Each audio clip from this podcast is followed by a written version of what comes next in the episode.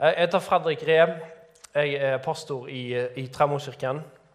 Eh, teksten er såmannen, lignelsen om såmannen, så vi skal gå rett inn i det. Fordi eh, jeg ønsker at vi skal få mest mulig ut av denne tiden. Eh, så vi skal gå inn i, i, um, i versene fra Markus 4. Om denne her eh, er med meg, så får dere ta, ta ta fram neste til bibelteksten. I Markus 4. Da sier Jesus, 'Hør', sa han, 'en mann gikk ut for å så', og da han sådde, falt noe ved veien, og fuglene kom og tok det. Noe falt på steingrunn hvor det var lite jord, og det skjøt straks opp fordi jordlaget var tynt. Men da solen steg, ble det avsvidd og visnet fordi det ikke hadde forstått fått slå rot. Noe falt blant tornebusker, og tornebuskene vokste opp og kvalte det, så det ikke bar frukt. Men noe falt i god jord. Det skjøt opp, vokste og bar frukt. Noe 30-fold, noe 60-fold og noe 100-fold. Og han sa, 'Den som har hører og ør, hører med. Hør.' Så plukker vi det opp i i vers 18, fordi vi skal fokusere på de to siste kategoriene pga. det, det vi har tid til i dag. I vers 18 så sier Jesus at eh, når han skal forklare lignelsen, hva betyr dette, så sier han andre igjen er de som ble sådd blant tornebusker. De hører ordet, men dette livs bekymringer, rikdommens bedrag og lysten på alle andre ting kveler ordet, så det ikke bærer frukt. Men de som ble sådd i den gode jord, er de som hører ordet, tar imot det og bærer frukt. Noen 30-fold, noen 60-fold og noen 100-fold. Herre, nå kommer vi framfor deg. Vi ber om at du må åpenbare ditt hellige ord til oss, at vi kan få lov til å se og erfare hva du ønsker å tale til oss gjennom denne teksten. I ditt navn, Jesus. Amen.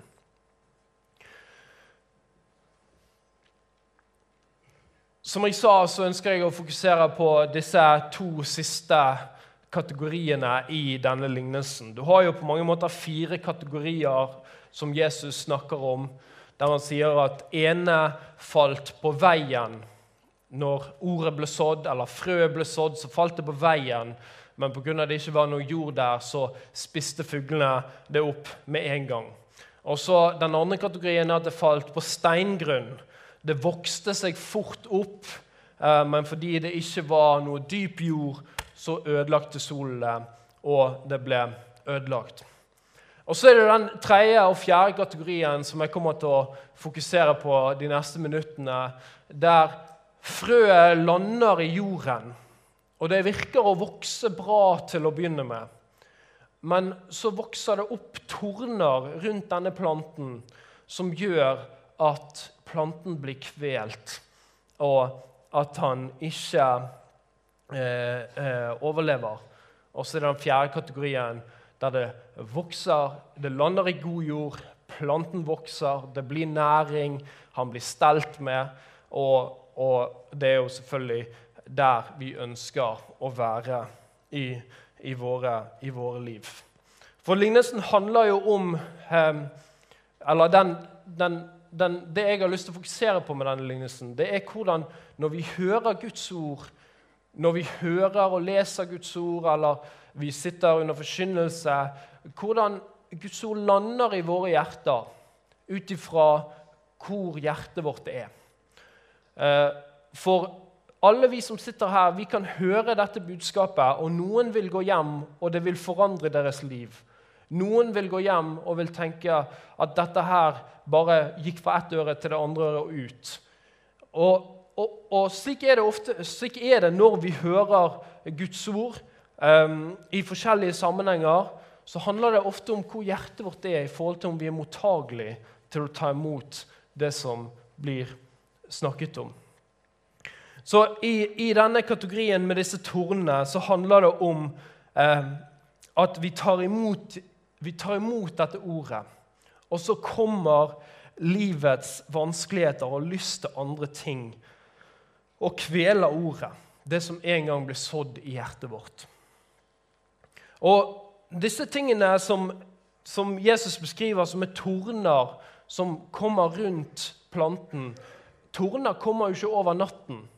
Torner er jo ting som vokser, og som kommer i en prosess.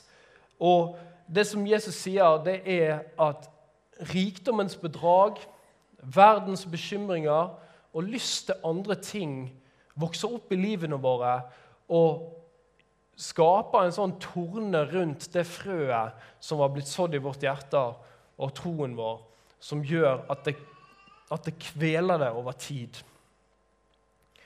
Så den personen som Jesus beskriver, er enten en person som der rikdommen, der lysten på det som verden kan gi i forhold til rikdom, materialisme og disse tingene, gjør at, eh, at ordet ikke lander godt i hjertet. At det ikke lander i god jord når han hører Guds ord, når han leser Guds ord osv. Og, og så nevner han òg verdens bekymringer i denne kategorien. Jeg liker ikke å bruke ordet kategori, men det er jo mer kompleks enn det. Men det er for å gjøre det forståelig. dette greiene her. Så bruker han ordet 'verdens bekymringer'. Han snakker om at bekymringer kan gjøre at når vi hører Guds ord, når vi leser Guds ord, når vi lytter til det, så gjør det at det ikke faller i god jord. Det gjør at det ikke vokser opp i livet vårt. Det gjør at troen ikke blir næret pga. verdens bekymringer. Og så sier han den siste tingen lyst til andre ting.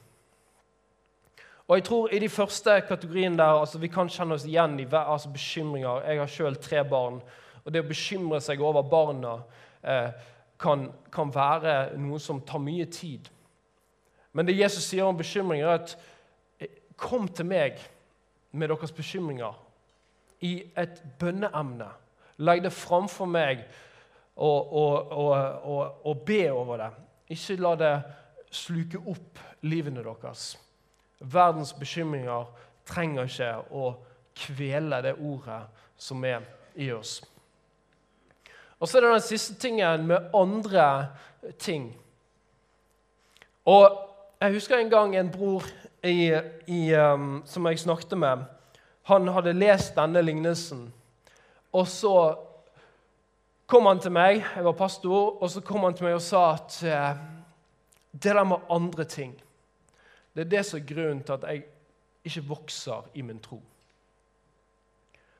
Det er det som er grunnen til at jeg liksom ikke jeg hører Guds ord, jeg vil liksom vokse med Gud. Jeg vil at han skal eh, på en måte bli større i mitt liv, at jeg blir mindre. Men, men de andre tingene Og så spurte jeg han litt videre. ja, Hva mener du med andre ting? Nei, altså, andre ting kan jo være andre, Det kan jo være altså det, det kan være jobben min. Det kan være eh, alle aktivitetene jeg er på, alle hobbyene jeg har. Alle, alle tingene som bare på en måte det, Han beskrev at det føles som at det er en torne som bare sluker meg i, uh, i livet. Og jeg tror, ikke det, jeg tror, de fleste av oss kan kjenne oss igjen i at alle mulige andre ting enn Jesus er med på å gjøre at vi ikke, at vi ikke vokser, at vi ikke ser det som vi skulle ønske i møte med når vi, når vi møter Jesus, når vi leser Guds ord. At det er som at vi enten er for travle eller at vi har så mange andre ting som er så, så veldig interessant, og som er på mange måter mer interessant enn Jesus. For det, som Jesus i bunn og grunn sier i denne lignelsen, i denne tornekategorien, det er at den personen han forklarer og forteller om, det er en person som tenker at Jesus er egentlig ikke nok for han. Han trenger andre ting. Han trenger enten rikdommen, eller han trenger eh, å bekymre seg fordi han ønsker å ta kontroll i sitt eget liv og tenker at Gud har ikke helt kontroll på dette greiene her. Jesus er ikke nok i dette menneskets liv. som Jesus forklarer.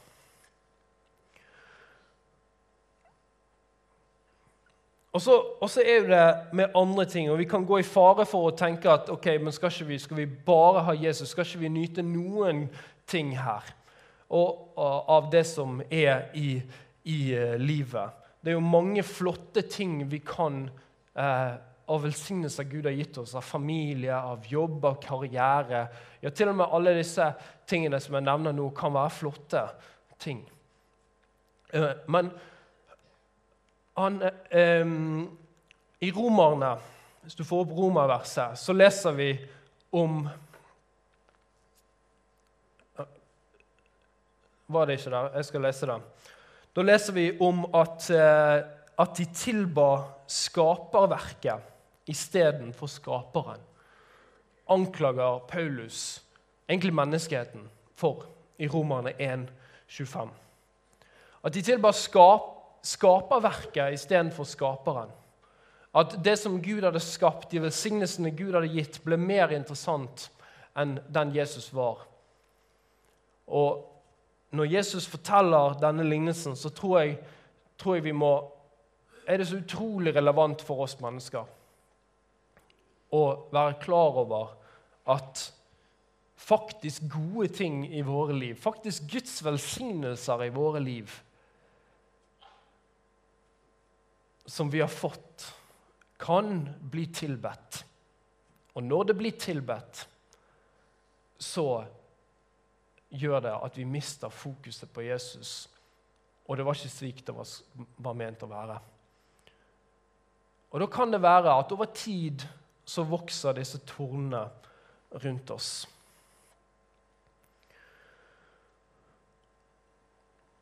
Jeremia 2,13 skriver at for to onde ting har folket mitt gjort. Meg har de forlatt, kilden med det levende vann, og de har hogd seg ut brønner, sprukne brønner som ikke holder vann. Og Det handler litt om dette med disse tingene som er i livene våre, som vi tenker kan være med og gi oss det vi ønsker. Gi oss den lykken og velsignelsen vi ønsker.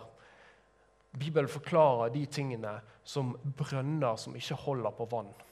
Det bare siger ut hvis ikke Jesus er eh, i, i, sentrum av det. Så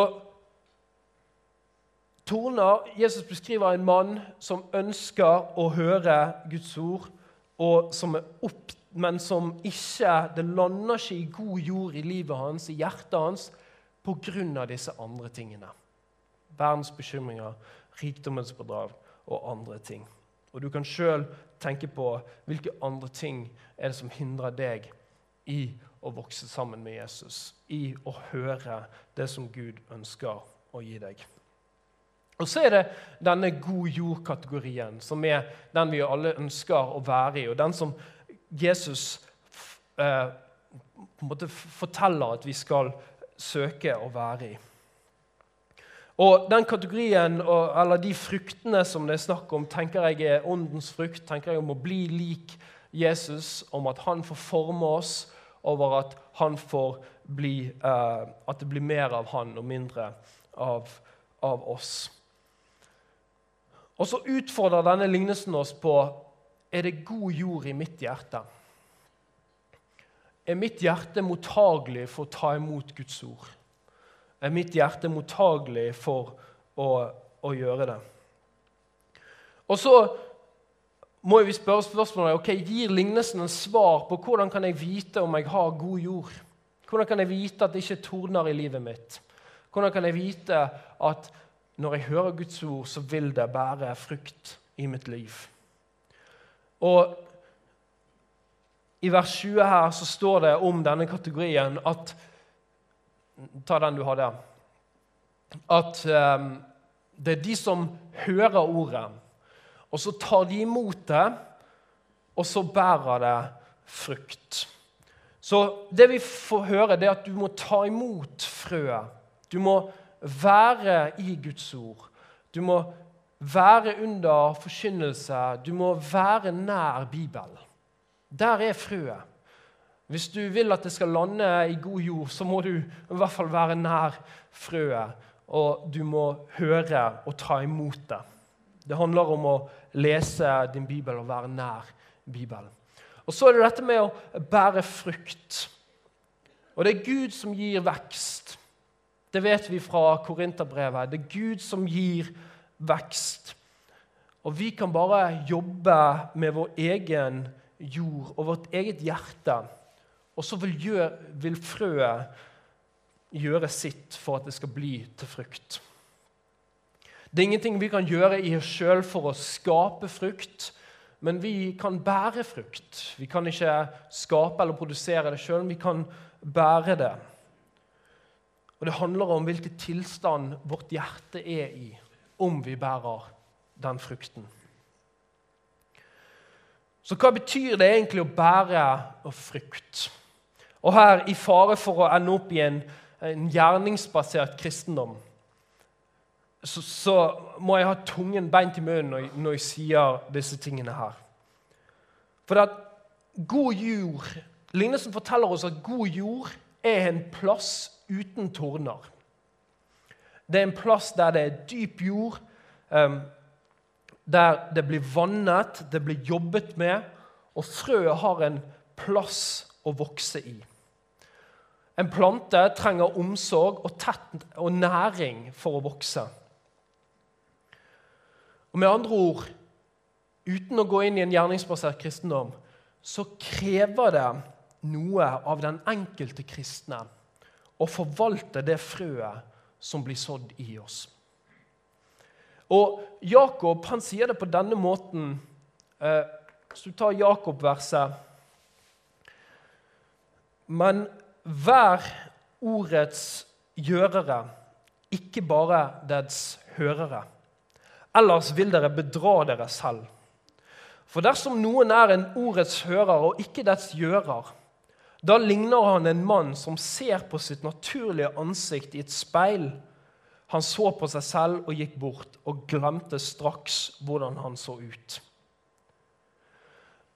Den mannen som Jakob beskriver her, er en mann som ser seg sjøl i speilet, og med en gang han har forlatt speilet, så glemmer han hvordan han så ut veldig slitsomt hvis du hele tiden må se deg i speilet, for du glemte hvordan du så ut. Og Dette sier Jakob er et bilde på en mann som er en ordets hører, men ikke en ordets gjører. Det forteller noe om den utrolige viktigheten av å gjøre det Guds ord sier. Av å praktisere det. Hvis vi ikke anvender og praktiserer ordet som blir sådd inn i oss, så glemmer vi ordet.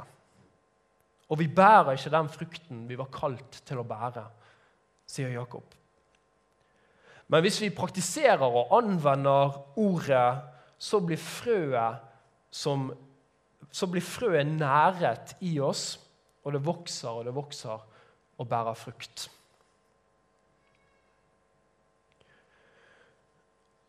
Denne lignelsen og dette budskapet eh, med hvordan Gud utfordrer oss på å ransake vårt hjerte og se på er det torner i mitt liv. Er det ting av denne verden som har blitt, som har blitt altoppslukende, eller som har blitt for viktig, som er med på å kveler ting og troen min? Og hvordan, for å, for å, for å lære Guds ord, for at det skal for at det skal bli en del av oss, for at det skal lande i god jord.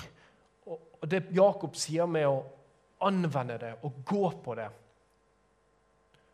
Det har betydd utrolig mye i, i, mitt liv. Og Det er ikke mange måneder siden så opplevde jeg at Gud begynte å tale til meg eh, og begynte å pirke i hjertet mitt på at det var noe bitterhet i hjertet mitt.